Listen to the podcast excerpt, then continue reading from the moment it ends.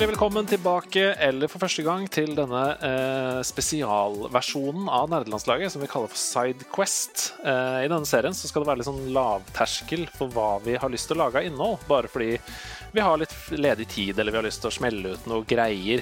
Så eh, vi holder på med en serie som vi kaller for Spillåret. Vi har gått gjennom 1995 og 1996, noen personlige og, eh, og subjektive og objektive høydepunkter fra årene vi har gått gjennom. Eh, og vi har kommet til året 1997. Eh, Hittil så er det Sebastian Brynestad som har vært gjest sammen med meg i disse episodene. Men jeg har vært så heldig at denne uka har jeg fått med meg en av Spill-Norges mest markante figurer. En fyr som jeg personlig liker veldig veldig godt. Han heter Jarl Martin Hoksnes! Hello! Har du lyst på sånn eh, Jeg kan bli din personlige hypeman. Ja. Altså, det har jeg alltid ønska meg en hypeman som bare liksom Hvis jeg kommer litt for seint på en fest, eller hvis jeg bare liksom kommer inn i et møte, så kan du bare være der. Veldig gjerne. Veldig Ja, med kanskje noe, trommesett og alt mulig. ja, ja, gjerne. Er, det noe sånn, er det noe catchphrase du vil at jeg skal dra før du går inn døra? Hmm. Det må, kanskje et eller annet sånn derre And that's bacon. ja, det kan jeg begynne å si. Altså et, et eller annet sånt som bare ikke egentlig henger helt på greip. Ja, Men da er det en avtale fra nå av. Hvis vi, skal, hvis vi noen gang gjør noen andre sånne live-ting, eller noe sånt, så, så må Mhm. jeg si 'and that's bacon' før du kommer inn Yes. hver gang. Perfekt. Det er en god deal. Eh, går det med deg? Det er jo litt uh, rare dager. Ja, det er det. Det er jo uh, det, Vi har vært Jeg vet ikke hvor lenge det har vært uh, holdt på å si selvisolasjonen i Norge nå, men det har vært, eh, vi er vel på sånn dag 21-22, eller noe sånt, Ja, det er noe sånt. av det. Um, jeg tror jeg har det bedre enn mange andre. Mm. Sånn, jeg har jo liksom Level Up er jo folkefinansiert, og hittil har det gått fint. Mm. Og eh, det er jeg føler meg litt truffet av den der memen som går rundt med at eh, når hverdagen din blir kalt karantene At eh, det er liksom, Vi er vant med å jobbe hjemme, vi har hatt mye hjemmekontor før. Mm. Så vi har jo liksom bare fortsatt med det. Det er, ikke, det er ikke like ofte jeg treffer Rune og de andre nå lenger. Men utenom det så er jo ting ganske sånn vanlig. Og jeg har gåavstand til kjæresten min. Og så det er egentlig bare det å ikke gå så ofte på butikken er på en måte det jeg må venne meg mest til.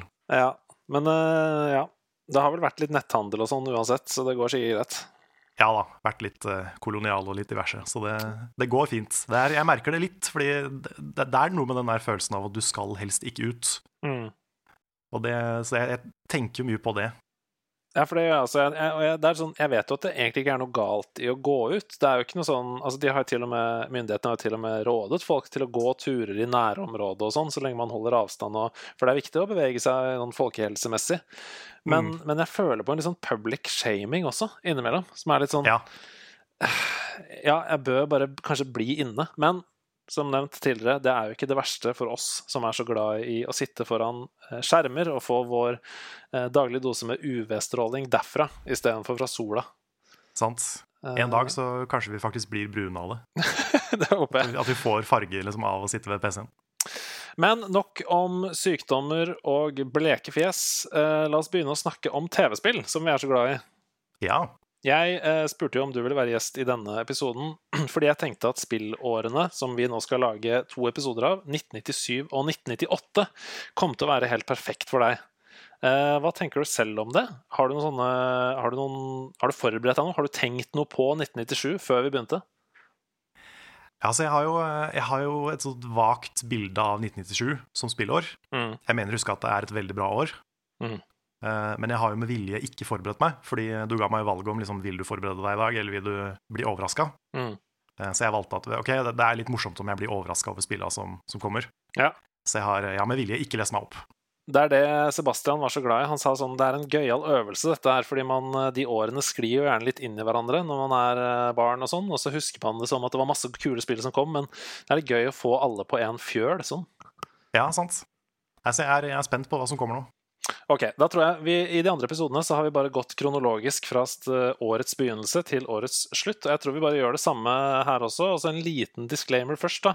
Det er jo så utrolig mange eh, gode spill som kommer ut i denne perioden. Så jeg har vært nødt til å kutte litt eh, og ta bort noen som sannsynligvis ville vært personlige favoritter for meg, eller noen andre. eh, Bare for å tenke litt mer sånn objektivt. Hva, eh, hva har størst impact på verden? Eh, Hva er det som står igjen som giganter? Så jeg har slengt inn noen personlige slengere eh, ut fra hvordan jeg tror jeg kjenner deg, eh, Carl. Så får vi se, da. Okay. ja, kult. Vi begynner eh, straight off the bat 3. januar. Der nyttårsrakettene har så vidt eh, landet i de respektive land rundt om i verden.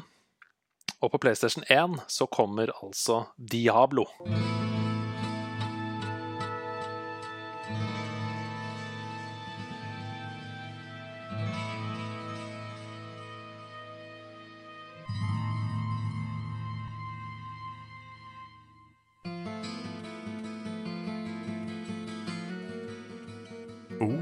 Diablo 1. ja, det første Diablo, ja. Det aller første Diablo. Dette er en eh, dårlig start eh, som gjest i podkasten, men det har jeg ikke spilt. Nei, og det har ikke jeg heller. Så da, da er vi to stykker som ikke har spilt spillet, som skal snakke Ja, masse om det. Ja, ja. Nei, det er gode minner, altså. Ja, nei, det vi kan, Men det vi kan si, det er jo at eh, Diablo eh, ble jo uten tvil en spillserie som eh, ble viktig for mm. hele bransjen og for veldig mange mennesker. Eh, og det første Diablo er jo da et sånn action-RPG, som er litt sånn hack and slash eh, videogame, som det står her. Eh, har du noe forhold til serien i det hele tatt? Ikke så veldig mye. Jeg har veldig mange venner som er sykt into Diablo, Mm, så jeg har alltid hørt mye om Diablo, spesielt 2 og 3. Da. ja. Men jeg har jo vokst opp med liksom det å høre om Diablo 2 som en sånn legende. Mm. Altså, at ikke du har spilt det, det er ikke greit, liksom. Nei, det er noen sånne, det- er noen sånne ja. hos meg også. Eh, Jeg føler at Diablo 1 var et slags eh, Det begynte å mm, Begynte å grave i noe som var spennende der, og så var det første liksom, ordentlig kommersielle gjennombruddet var vel da Diablo 2. Som Mm. du sier der, at det er, sånn, det er en must play.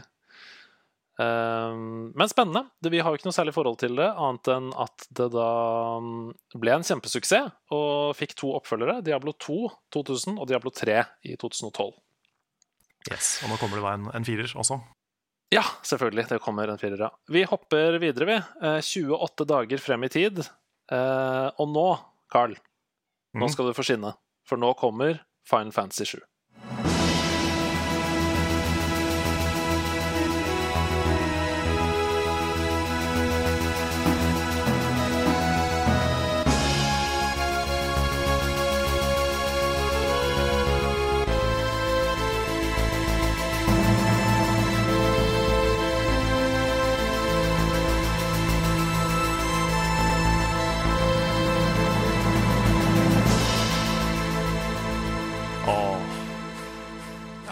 det, er bare, det, det som er morsomt, er at det er bare et par dager siden jeg var ute i hagl for å hente Final Fantasy 7, da remaken.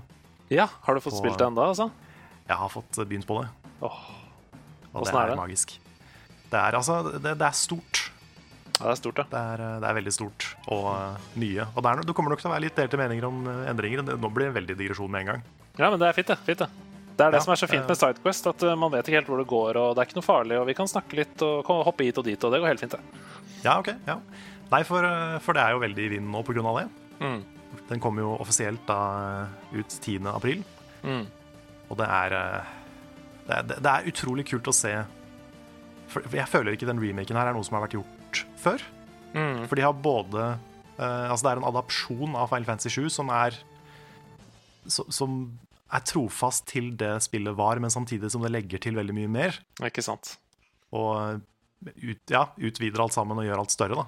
Så det, er, det, det føles som en sånn extended Det er litt, litt sånn Hobbiten-filmene. Ja, det ja, gjør ja, ja. Hobbiten til tre filmer. Det er litt det det har gjort med Final Fantasy 7 her. Skjønner. Ja, fordi det, jeg, det var det jeg så Audun også skrev på Twitter. Uh, Audun fra gamer.no der også. Han skrev uh, Dette føles ikke som en remake, det føles som en adasjon, som du sier. Og det er veldig Mm. interessant, ass.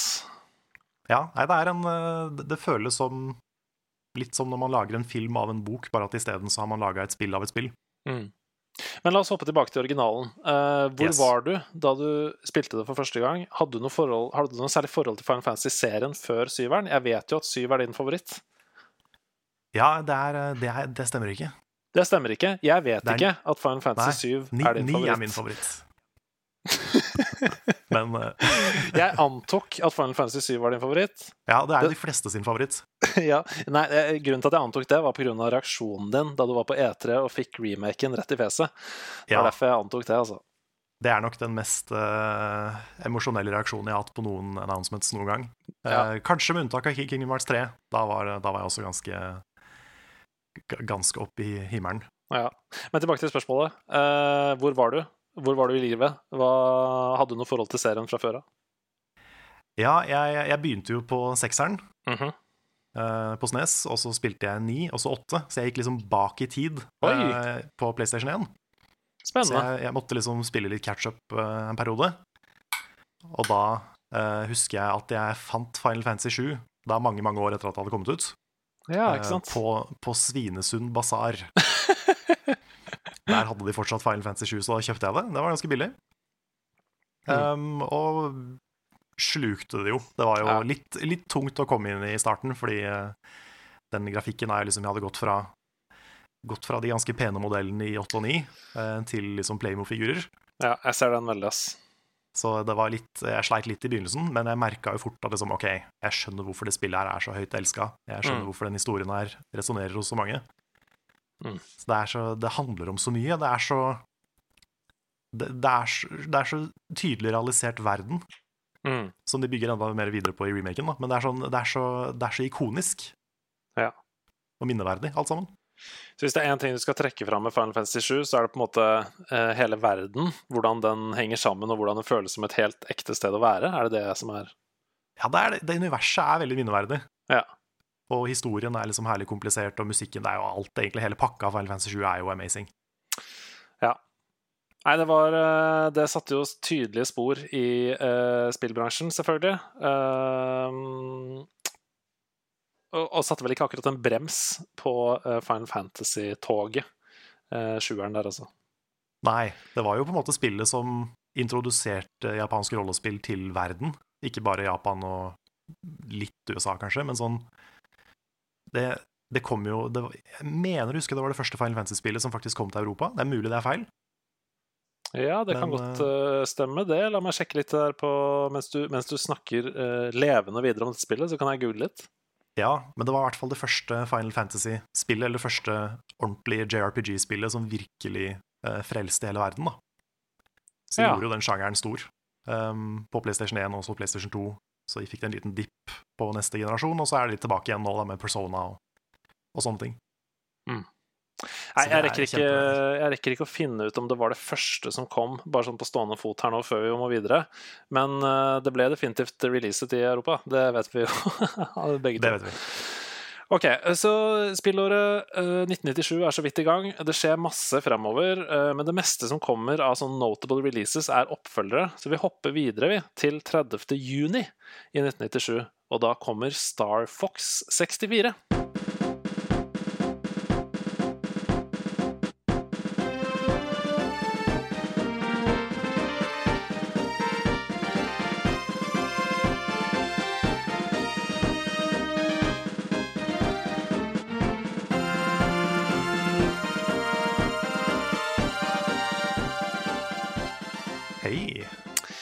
Hva er ditt forhold til Star Fox? Jeg har ikke spilt det sjøl, jeg har sett mye av de. Ja. Så, og så har vi jo eh, Svendsen på, på laget i Level Up, som er eh, erkefan av Star Fox. Ja, jeg har spilt masse Star Fox sjøl, eller uh, Lilet Wars, da, som det het uh, i PAL-regionen. Ja, Det er rart at de Eh. bytter navn på spill sånn i Europa. Det er veldig rart. Det er sånn Vaiana-situasjon. Nei, jeg kan ikke skjønne og Mother 3 og Earthbound. uh, Ja, det også er rart. Veldig, veldig rart.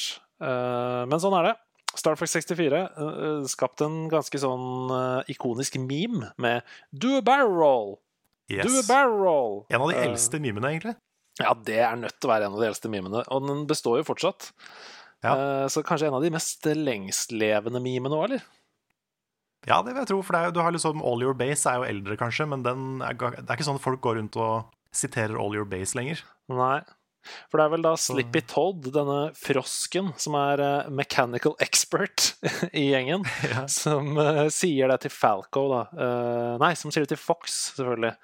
Um, og sier 'do a barrel roll', do a barrel roll til spilleren når man skal prøve å fly rundt med dette romskipet. Jeg, er, jeg husker ikke fart om det er han som sier det eller ikke, men han er i hvert fall kjent for å være en utrolig irriterende character. Ja, kanskje det er han haregutten som sier 'do a barrel roll'. Jeg lurer på, jeg husker det som en veldig sånn mørk stemme. Do barrel roll. Og Slippy har den der veldig lyse stemmen. Men det er mulig jeg tenker feil. altså. Du, det kan godt hende det er riktig her, fordi her står det Slippy Todd scans bosses and displays their shield. Peppy Hair provides gameplay advice. ah, ja, det er Peppy Hair, da. Peppy Hair. Peppy Hair, vet du.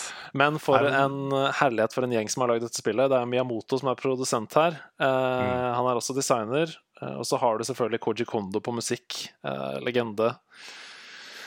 Ja, det er eh, et 3D scrolling shooter game. Eh, og så er det liksom mye aircraft combat det handler om. At Det er i verdensrommet. Eh, jeg husker det var så gøy, for det var sånne supervåpen. Du kunne finne bomber som kunne slenge rundt. Nei, det var det, det eksploderte en ung gutts hjerne. Ja, det var, og det kule var jo at det første Star Fox var jo liksom Det var jo 3D på Super Nintendo. Og det Mm. at de bygde videre på det på Nintendo 64, var på en måte bare made to be. Mm. Så det var kjempe kjempestas. Selv om de har vel fortalt den samme historien sånn tre ganger nå, tror jeg. At det liksom, hvert nye Star Fox-spill er på en måte en remake av det forrige. Ja, det høres eh, riktig ut, det. Ehm, det. Det siste som kom til Switch, det har jeg ikke prøvd. Nei, Wii U tenker du på? Nei, Wii U, Wii U, Wii U, det spilte jeg aldri. Det skulle liksom være sånn herre release på Eller sånn, eh, hva heter det, sånn eh, Viktig release på Wii U. Men det var jo Ja. ikke noe bra, var det det? Nei, det fikk veldig blanda, bla- blanda reviews. Ja. Jeg tror noen likte det veldig godt, men det var noe med det kontrollsystemet som var veldig annerledes enn alt annet. Så folk sleit en del med det. Ja, jeg ser den. Vi skal videre til et spill som sikkert mange har et eh, forhold til også. Uh, Carmageddon.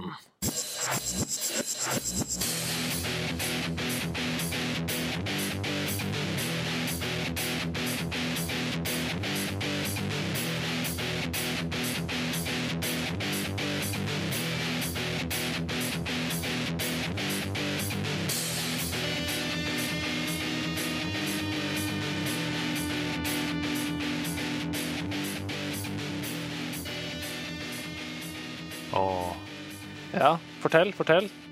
jeg hadde en kompis på skolen som var obsessed med Carmageddon. ja, samme Jeg har, her. spilt, jeg har spilt det litt sånn i nyere tid, og det er jo ikke bra Nei, det er ikke bra i det hele tatt. i det hele tatt. Men Het, eh, het kompisen din Morten? Han vet ikke. Nei, han gjør ikke det. Han heter Tony. Eh, Selvfølgelig er det Morten og Tony som er eh, Ja. Carmageddon-fans. Morten og Tony er die hard Carmageddon. Mm. De, han, om det. han var så utrolig fascinert over lydeffektene som kom når du, når du kjørte på folk, og det var mye sånne ting. Da. Så han var veldig han, Jeg tror han, han, var- han var gira på det fordi det var voldelig, på en måte, og det var jo kanskje litt sånn det var. Ja. Um, det begynte jo, Carmageddon begynte som et annet spill som het 3D Destruction Derby. Aha. eh, som var en sånn eh, racing sim hvor du skulle smelle inn i hverandre og, og vinne med litt skitne triks. da Mm. Som da etter hvert ble til Carmageddon. Uh, og det ble jo sensurert i mange land. Ja, både stemmer. Tyskland og i United Kingdom så var det eh, sensurert. Eh, og det er jo ganske spennende. Det ville jo aldri blitt sensurert i dag hvis det blitt sluppet ut i dag. Nei, nei, for vold er liksom Det har ikke blitt mindre greit sånn i, i medier. Nei, det er ikke det. Ehm, men ja, det er mange som mener at det har hatt stor impact på hele bransjen, og det har det jo definitivt. Det kommer jo noen spill eh, senere eh, som eh, både i overtekst og undertekst har sagt at de er inspirert av da Carmageddon. Så det er ganske spennende spill. Mm. Jeg okay. husker coveret veldig godt. Ja, eh, kan ikke du forklare det? det er- Kan forklare det? Det er sånn veldig rødt cover Ja. med en, en mann som, som liksom med sånn åpen munn smiler Ja. mens han kjører. Han ser jo ut som han skal, han ser, han ser ut som han skal liksom kjøre på folk. Han er- ser klin gæren ut. Jeg husker et eller annet med det coveret han satte seg i huet mitt. Ja, han, han ser ut som om han er med på uh, dette bilracet, ikke først og fremst for å vinne selve racet. Nei. Han ser litt ut som en, han ser litt ut som han er rett ut fra Fury Road, egentlig. Ja, ja. Han er keen på å wrecke noen andre da, før han kommer i mål. for å si det sånn. Det er det han er keen på. Ja. Han er ikke en good guy i en Disney-film. Heller Nei. tvert imot. Men 1997 er et veldig veldig bra spillår, så vi må bare hoppe videre her. Uh, mm. Og nå kommer det et litt interessant spill. Det er et spill som er laget av uh, Bullfrog. Eh, studioet som vi kjenner godt gjennom Theme Hospital og sånne ting. Men det spillet jeg skal fram til her, er Dungeon Keeper.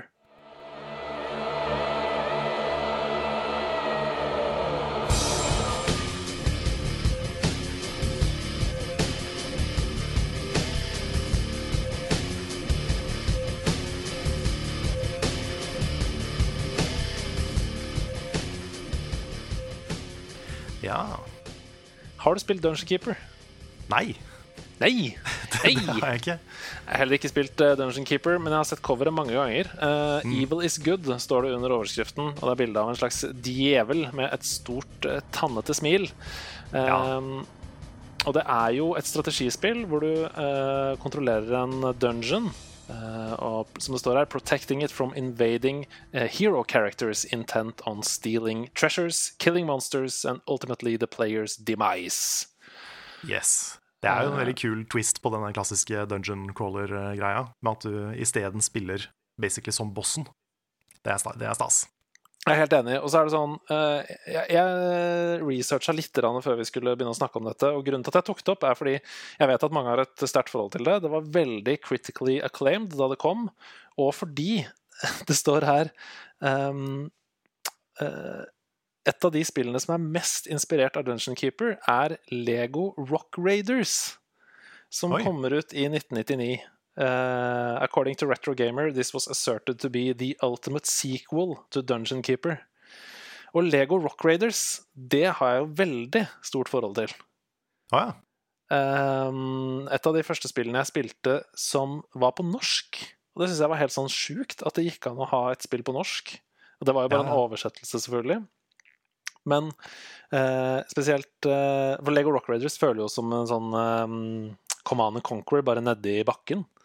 Mm. Eh, og så kom det en stemme som sa 'Det har gått et jordskred! Det har gått et Åh. jordskred!' hele, hele tiden. Så det er faktisk voice acting på norsk. Det er kult. Ja, og den har brent seg inn i hjernen min. Det har gått et jordskred! Så Det hørtes litt svensk ut òg, nesten. Men, eh, ja, jeg tror nok det er kanskje en svenske som har lest inn på forsøkt norsk. å, det kan hende. Uh, men ja, Dungeon Keeper.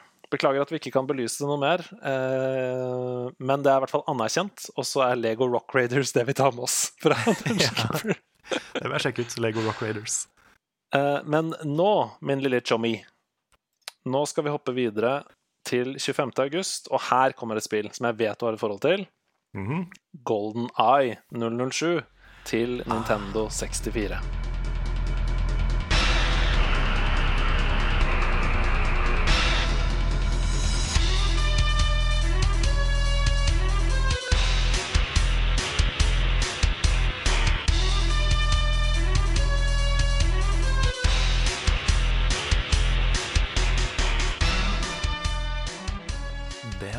det året, ja. Herlighet. Det har jeg spilt mye. Begynner å flaske seg for 97 her òg. Det gjør det. det og det er, det er litt morsomt, fordi utviklinga av det spillet, så um, var jo multiplayeren en sånn Jeg tror det var noe de laga bare sånn den siste måneden. Ja, Fordi de hadde tid, og, og rakk å liksom Ok, vi må putte inn et eller annet. Vi putter inn multiplayer. Og det er jo den delen alle husker. Ja, det er helt sjukt. Så det, det var flaks at de fikk med det. Hvorfor er det alltid sånn? Det er, ofte så er det sånn at når man, eh, hvis man sitter og klipper eh, et opptak, eller sånn, så får man en eller annen idé som man bare kaster inn i klippen helt rett før du skal eksportere. Så er det det Mm. alle husker. Eller sånn du skal lage en skolerevy, eksempel, så er det de sketsjene du finner på to dager før premiere, som alle går rundt og siterer etterpå. Ja, det er helt sant. Det er veldig spennende. Kanskje verden må bli mer spontan, rett og slett. Eh, hvis det er noe du skal ta med deg etter at du har hørt denne podkasten, så er det eh, Carl sitt sitat 'Verden må bli mer spontan'.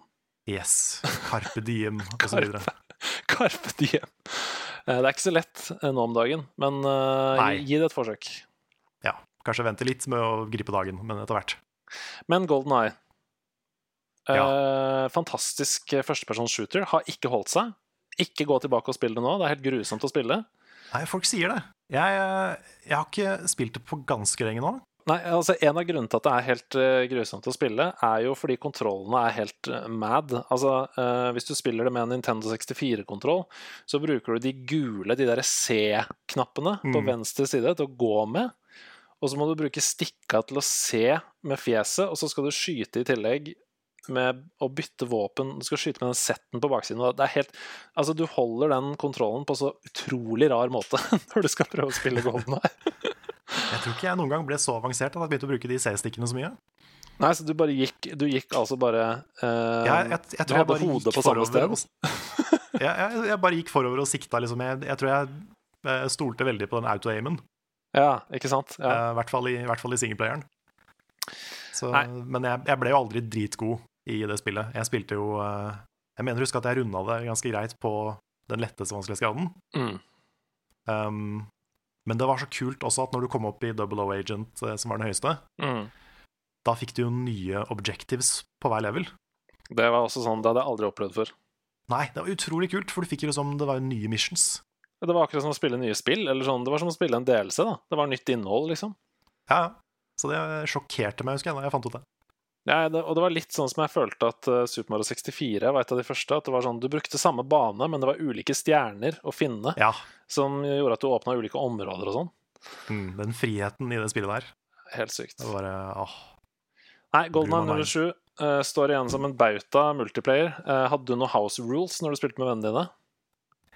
Nei, vi hadde, vi hadde jo den klassiske um, bare rocket launcher, prøvde vi Ja. en del. Og bare fists hadde vi. Og jeg hadde en kompis som selvfølgelig skulle være oddjob. Og jeg skjønte jo faktisk ikke før ganske mye seinere at du har jo en fordel når du er oddjob fordi han er så lav. Ja. ja, ja, det var helt Og, krise. Han var banna. Oddjob var banna i alle mine games hvor jeg spilte med Ja. venner. Jeg catcha det litt for seint, så um, jeg ble Også offer for fordi, oddjob. Altså. også fordi han hadde oneshot-hatten, Ja. som var jo basically som en golden gun, bare i hatteform. Mm. ja, for det spilte vi også mye Golden Gun. Ja. Det var, det var stas. Nei, vi kunne hatt en helt egen podcast bare om Golden Eye. Uh, vi må videre. Vi skal hoppe til et eh, plattformspill. Trenger ikke snakke så mye om dette, jeg vil bare anerkjenne det. Og det er altså Oddworld, Abes Odyssey.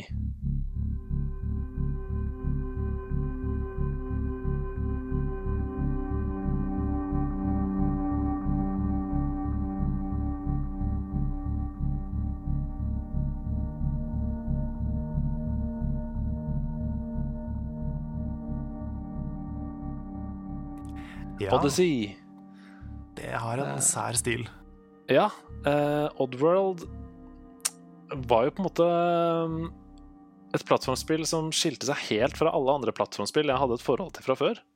Mm. For plattformspill på den tiden var jo kjent for å være liksom fargerike, eh, interessante, morsomme, kanskje litt crazy, hvis vi snakker om Crash Bandicoot, f.eks. Mm. Og så kommer eh, Abe, da, og er liksom et mørkt og rart eh, plattformspill med litt sånn eh, puzzle og Ja, og så får du jo kjempebra karakterer også. Du får eh, fem av fem, eh, blant annet, i GamePro her, står det. Så det, det, det blir jo liksom anerkjent som en Ja, på E3 det året så blir det E3 Showstopper 1997. Damn. Har du noe forhold til Abe, eller? Og den gjengen der? Ja, det er også et spill som jeg har sett mye av andre har spilt. Mm. Det, um, men det er jo Jeg husker veldig godt den stilen på det. Mm. Som, som er så som du sier, dyster og mørk. Og figurene som er liksom, De er ikke noen pene, men de er litt sjarmerende likevel. Mm.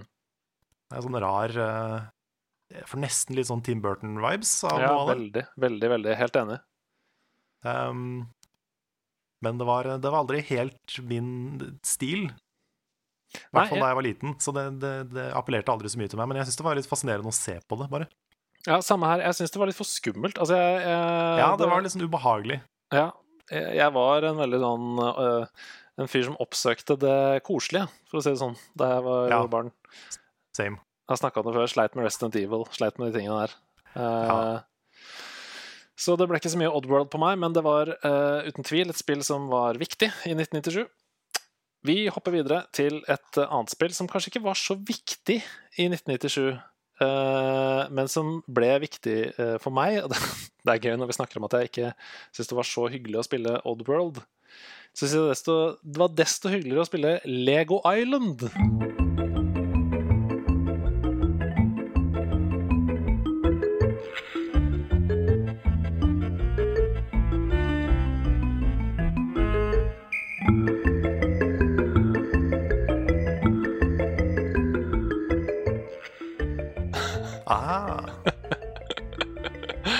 Spilt Lego Island? nei, det tror jeg ikke. Lego Island er det første open world-spillet jeg spilte. Eh, det er som eh, GTA, bare uten alt det som gjør GTA til GTA. Ja, da tror jeg kanskje jeg har spilt det. Men det er, det er veldig, jeg har veldig vage minner fra det. Eh, Her skal du få høre den fantastiske historien. Eh, while there is no necessary objective to Lego Island Det er alltid den beste, beste første setningen du kan få. ja. A special mission will occur if the player has built the police helicopter and is playing as Pepperoni. Pepperoni. Ja, hvis du, for det husker jeg veldig godt. Hvis man greide å bygge det eh, helikopteret og spilte som Pepperoni, så fikk man sånn pizza missions. Og da skulle man levere pizza til folk rundt omkring.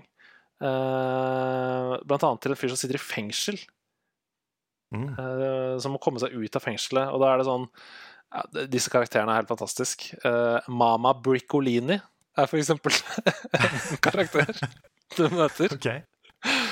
Men grunnen til at jeg ville ta opp Lego Island, var um, fordi eh, det var uh, Lego egentlig sitt uh, store gjennombrudd i liksom spillbransjen. Eh, og førte jo til at de satsa maks på det videre. Eh, solgte masse, solgte en million kopier uh, i bare USA alene. Eh, og det er jo ikke så rart, for det er jo noe foreldre var interessert i TV-spill for barna sine, men de ville gjerne at det skulle være en trygg, trygg verden å være i. Og hva Mm. er tryggere enn å gå rundt i et non-linear videogame uten noe særlig objectives og bygge Lego? Nei, det er, det er ganske safe. Det er sant. Ja. Så er jo- Pepperoni og Papa og Mama Bricolini var mine gode venner. Ha.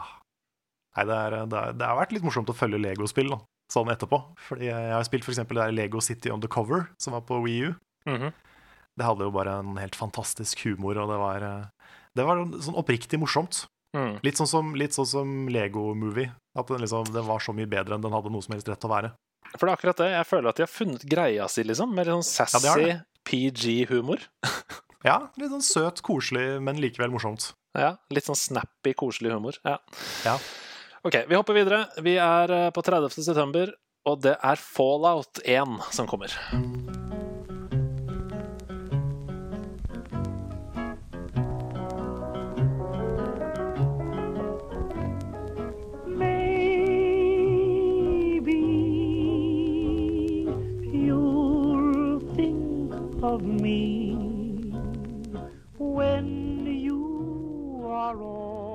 Aha. Mm. Har du spilt eh, Fallout 1? Nå føler jeg at jeg sier nei på mange, mange av spillene. Så jeg har ikke spilt Fallout 1 så mye. Jeg har spilt Fallout eh, 3 og 4, men ikke de gamle.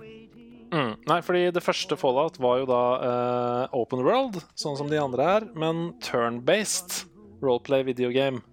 Mm. Uh, litt som Final Fantasy, altså, med andre ord. Ja. Så egentlig så burde jo dette appellert til deg. ja, det gjorde det. Eller det burde det. Burde det. Jeg, eh, jeg tror problemet var at jeg hadde ikke så mange PC-spill da jeg var liten. Nei. Jeg spilte ikke så mye på PC. Jeg hadde, hadde liksom Sega og etter hvert PlayStation og Nintendo 64. da. Ja, og 1997 Men, eh, var jo eh, et godt år for gaming, men det var jo, som du hører, mye PC her, da. Mm. Eh, så det er ikke så rart. De siste fem-seks spillene her er nok uh, konsoll, så da får vi se om du briljerer mot slutten. Men, Jeg får håpe det. Får på det. men Fallout, ikke vær du, feil gjest for eh, 97. jeg syns du er en strålende gjest. Og det er dette som er poenget med Sidequest. Vi skal bare kose oss, prate litt, drikke litt kaffe. Jeg drikker litt kaffe Mm. nå. Bare vent litt. Skal Jeg drikke har kaffe? kaffe. Jeg har eh, kaffe i Sonic-koppen min i dag. Ikke sant? Allerede så har du redemption-storyen er komplett. Mm. Du melder kaffe i. Sonic-koppen. Det redder alt. Mm. Nei, men du sier at du har spilt eh, noen av de nye Falloutene. Hva er det du liker med Fallout? Jeg, ehm, jeg har aldri vært sånn superfan av Fallout, men jeg, jeg liker ehm, Holdt på å si Jeg liker at de, her, de er så åpne. At du Mm. kan på en måte bare Du lager din egen historie. Og det Mm. er eh, det spillet er. Du har en main story og sånn, men den er på en måte Den er der, men den er ikke hovedpoenget, da. Nei. Så det er det samme med Skyrim. Grunnen til at jeg liker Skyrim, er grunnen til at jeg liker Fallout. Mm. Men jeg er, nok, jeg er nok mer på Skyrim og på Elder Scrolls enn på Fallout, sånn personlig. Ja, eh, akkurat samme her også. Uh, tror du at Fallout kan reise seg igjen? Ja, så det skal jo ikke så mye til å gjøre comeback fra 76, da. Ja, Men det er det jeg mener. Tror du de klarer å på en måte gjenopprette ryktet sitt? Jeg tenker hvis de um, Kanskje hvis de aller først lager en remaster av New Vegas eller annet sånt, Mhm. hvor de liksom bare gjør et eller annet som folk har lyst på, bare bare for å få litt mer goodwill, uh, og så kanskje launcher da Fallout 5 eller noe sånt, og bare virkelig selger det som noe bedre. Hvis Betesta hører på nå, uh, hire this man. Det er alt jeg har å si. Yes. Vi går videre. Vi har ikke helt om jeg har lyst til å jobbe for Bethesda akkurat nå, men. Kanskje du kan jobbe fra hjemmekontor og ha en sånn egen kontrakt som rådgiver, Ja, hvor du slipper å kommunisere med noen andre. Du bare får penger, og så gir du råd. Ut, så kan ja du ta jeg, jeg det. kan være han som sitter hjemme og synser. Ja, det er kjempedigg eh, jobb. Fin jobb. Da sender jeg inn den jobbsøknaden på vegne av deg, og så går vi videre til 21. oktober, hvor eh, spillbransjen aldri blir den samme igjen etter at dette spillet kommer ut, og det er Grand Theft Auto. Good shot, kid. I think you got him. Good shot, kid. I think you got him.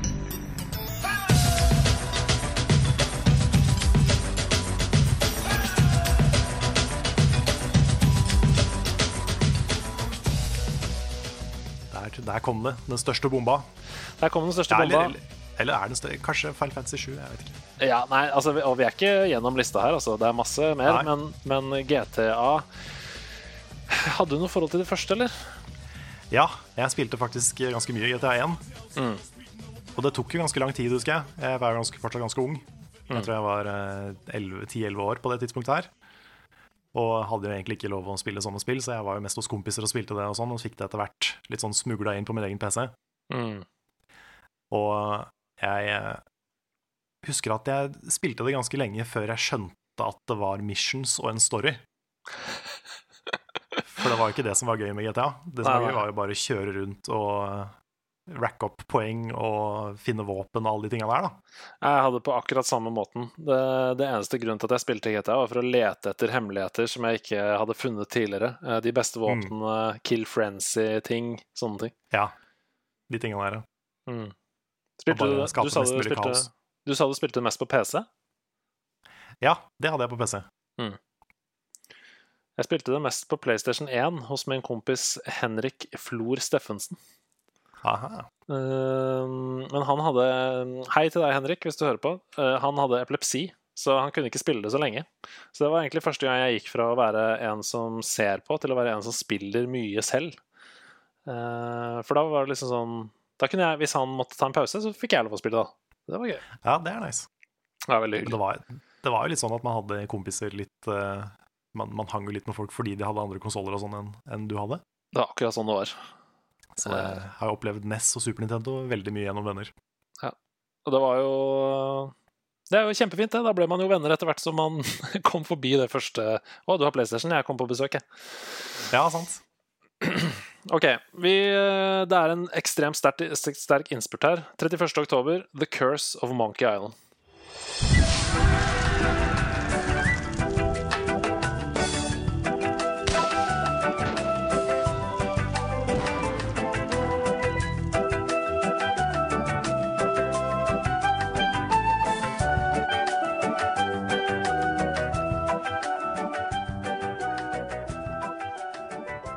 Oh, Oh yes. Har du spilt det? fantastisk. Ja, det har jeg spilt, og det, det Jeg savner litt den sånn korte perioden hvor spill var ordentlig morsomme. Mm. For det er, det er ikke så mange bra humorspill. Mm. Men Monkey Island og liksom den point and click-sjangeren, Mm. spesielt fra dem, er jo bare Det er så mye bra humor, og det er så Litt sånn Monty Python, litt sånn god humor. Mm. Jeg hadde spilt The Secret of Monkey Island, altså det første, med sånn eh, Jeg har snakka om det før. Jeg hadde høyttaler inni kabinettet på PC-en. Det heter noe sånn Det heter noe sånn PC speaker eller noe sånt. Som bare Mhm. gjør sånn ut av kabinettet. Stemmer det. Ehm, så hoppet for meg Jeg spilte jo aldri LeChucks Revenge før i på en, måte, en mye eldre alder, så jeg hoppa rett fra Sigurd og Monkey Island til The Curse of Monkey Island. Og det var jo et enormt hopp i grafikk og alt. Mm. Uh, men jeg elska det. Jeg bare husker så godt først, det første rommet hvor man står inne med han fyren, han lille fyren som prøver å skyte en kanon. Så er du låst inne sammen med han, og så skal du hjelpe han Uh, Du kutter tauet sånn at den kanonen, når han fyrer den av, sprenger bakover.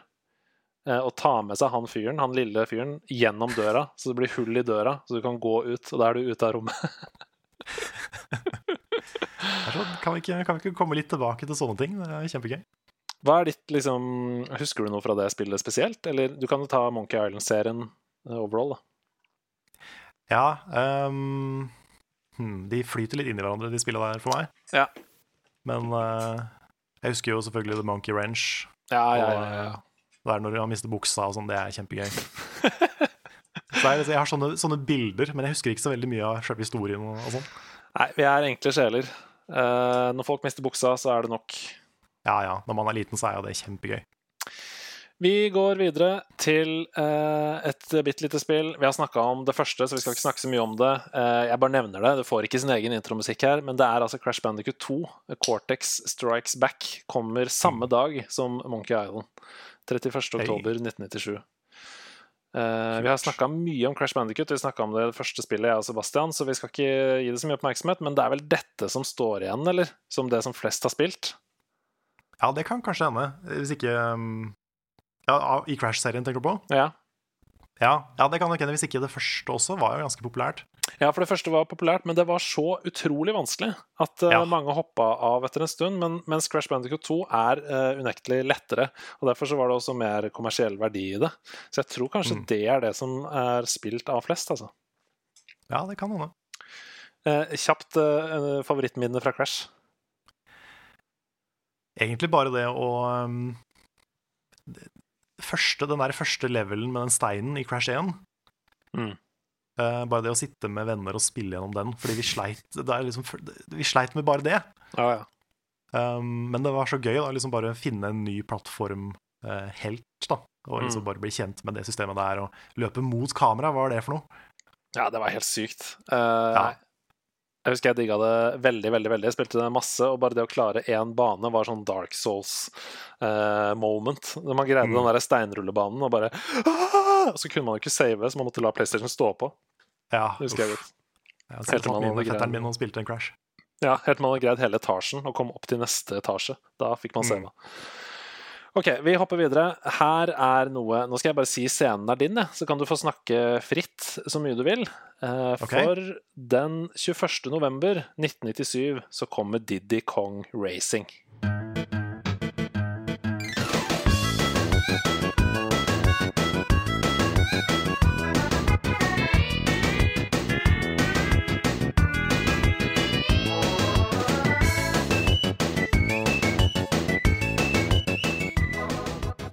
Er noe av den Det er kanskje Det er ikke den første Nintendo 64-opplevelsen jeg hadde, men det er en av de.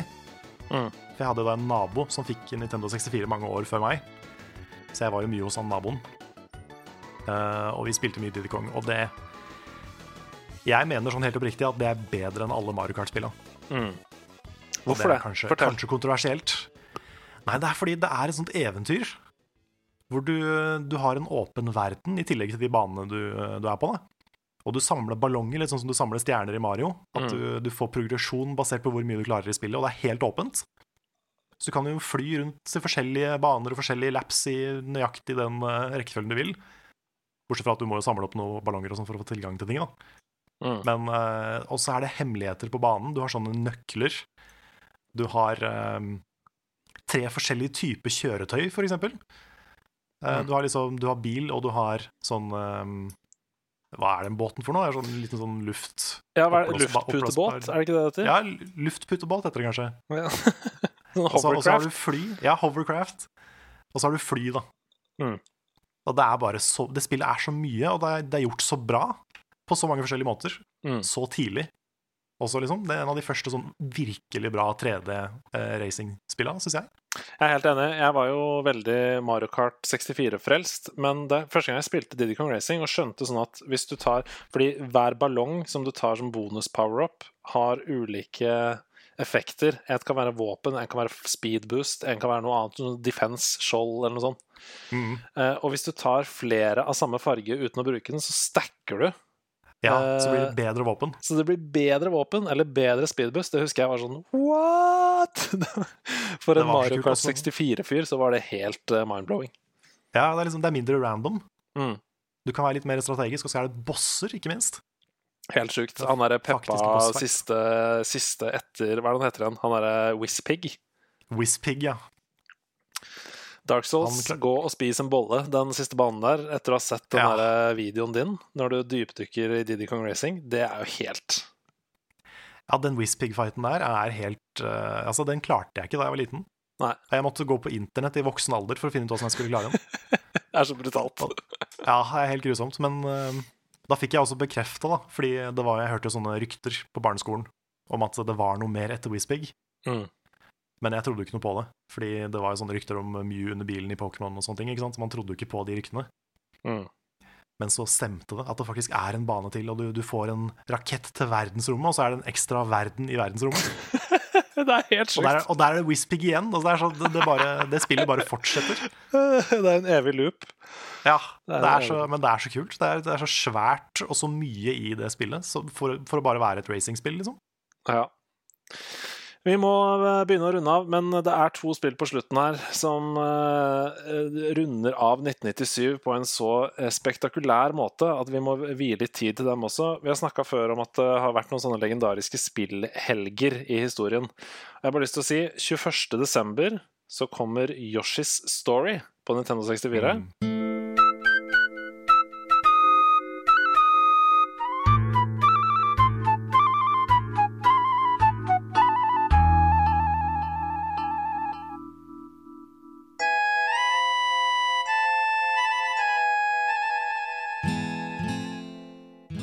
23. desember, altså lille julaften, så kommer Gran Turismo 1.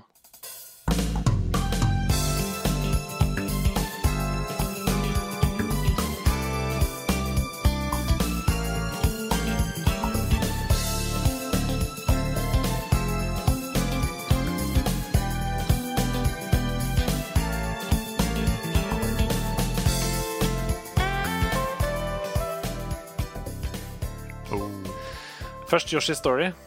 Ja. Jeg husker det, det spillet var litt kontroversielt da det kom. Mhm. Altså ikke, altså Det er vanskelig for Yoshi å være kontroversiell, men, men, sånn, men, men fordi 2D var liksom sykt ut. Ja. Og Yoshis story er jo 2D. ja.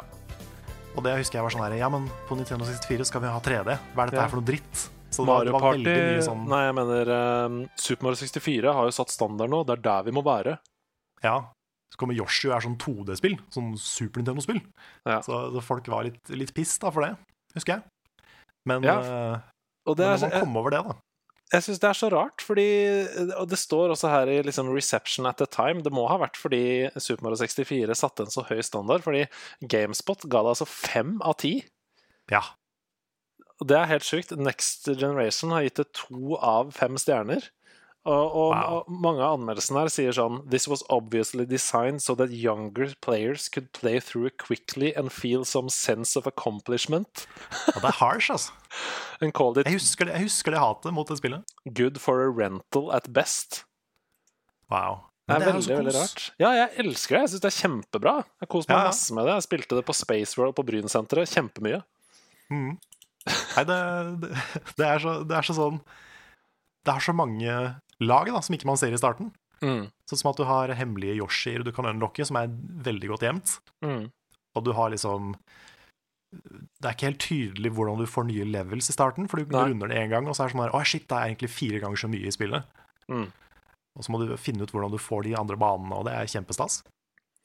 Ja, det var dødsgøy. Um, jeg, vi må snakke kort om Gran Turismo, men uh, jeg har ikke sånn veldig mye forhold til Gran Turismo 1. Eh, det første Gran Turismo som jeg virkelig eh, tok av med, var nok Gran Turismo 3. Eh, men det hadde jo ikke eksistert hvis ikke det var for det første, og vi prøver jo i denne serien her å snakke om det første spillet i en serie, med mindre det er en oppfølger som har satt veldig dype spor da, i spillbransjen. Mm. Ehm, så Gran Turismo 1 kom jo ut og ble jo hylla. Virkelig. Altså har 96 av 100 på Metacritic. Eh, vinner liksom Racing Game of the Year, vinner Game of the Year mange steder. Uh, og blir for første gang blir for første gang man snakker om en slik sånn bilsimulator. Altså at det føles som å kjøre bil. uh, ikke som et bilspill, liksom. Mm. Og det var jo veldig viktig, for det åpnet jo spillbransjen for ganske mange nye målgrupper. Eh, folk som var interessert i bil, og som var interessert i å samle på ulike biltyper, eh, og sånn, men som ikke var sånn veldig spillinteresserte, de begynte plutselig å prøve å sette rundetider eh, bedre enn hverandre, utfordret vennene sine. Og til den dag i dag så er det jo mange gamere som bare spiller bilspill som, eller simulatorer, da, som Gran Turismo eller Forsa. Akkurat som at det er mange gamere som bare spiller Microsoft Flight Simulator, f.eks. Ja, sant. Men det er jo litt, det er litt rart, da, fordi Diddy Kong Racing føles jo som å kjøre bil og fly og sånn oppblåsbar båt. Så til alle de som er simulatorfolk som sitter med i kjøredress og har Ja, ja. ratt og pedaler der ute, så sier du Diddy Kong Racing er den beste simulatoren. Nei da, det er ikke det. det, er ikke det. Nei, det er i hvert fall en kontroversiell mening. Når vi er inne på kontroversielle releases i 1997, Mm. Yoshi's Story, så kan vi ta det videre med at uh, Diddy Kong Racing er den beste bilsimulatoren som finnes der ute. Ja, jeg tror ikke jeg står for den, men det er, uh, jeg vil bare slenge ut en hot take. Har du noe forhold til bilspill i det hele tatt? Jeg spilte mye Cruisen World Ja! på Nintendo 64. Det er kanskje det bilspillet jeg har spilt mest. Ja. Uh, Men etter det så har jeg liksom ikke fulgt så mye med på sjangeren. Mm. Det har vært eh, på en måte I Level Up så har det vært Rune som har tatt bilspilla. ja. Så eh, jeg har, ikke, jeg har ikke så veldig mye erfaring der, egentlig. Nei, vi får bare avrunde denne uh, gjennomgangen av 1997 med å si at uh, Gran Turismo uh, solgte altså Skal jeg bare regne sammen kjapt her? Nesten 11 millioner kopier. Eh, og dette, var, dette tallet er fra 2008, da, så det kan jo ha solgt mer etter det. Men i 2008 så har det solgt nesten 11 millioner kopier. Uh, in which to this day remains the best-selling video game for the PlayStation 1 and the Wow. fourth highest selling game in the Gran Turismo franchise overall. Og det sier jo litt. Eh, Det er fortsatt i den dag i dag det spillet som er solgt mest til da PlayStation 1. Det er jeg faktisk veldig overraska over. Det er ganske utrolig. Jeg husker jeg har fått det spørsmålet på en quiz før, men det er jo fordi det ble så insane populært i Japan. Mm. Eh, Det solgte nesten tre millioner spill bare i Japan. Og så er det noe med den sjangeren, liksom, litt, litt med bilspill som det er med Fifa og sånn, at det er noen som ikke spiller ellers, men som bare spiller bilspill, da. Ja, det er akkurat det. OK. Får mye, mye der. Tusen hjertelig takk for at du var med på 1997, Carl. Jo, takk for at jeg ble invitert. Hva syns du? Hva er dommen din over 1997? Nei, jeg syns dette her er uh, mye, altså mye på grunn av da Diddy Kong Racing og Final Fantasy 7 for meg. Så er det jo et, et, eh, et år som stiller sterkt. Men, uh, men jeg vet at det er noen av disse 90-tallsåra som er eh, et par hakk over, altså. Vi får se hva som skjer når vi skal videre til 1998 i neste episode. Eh, tusen takk for at du hørte på. Vi prekes!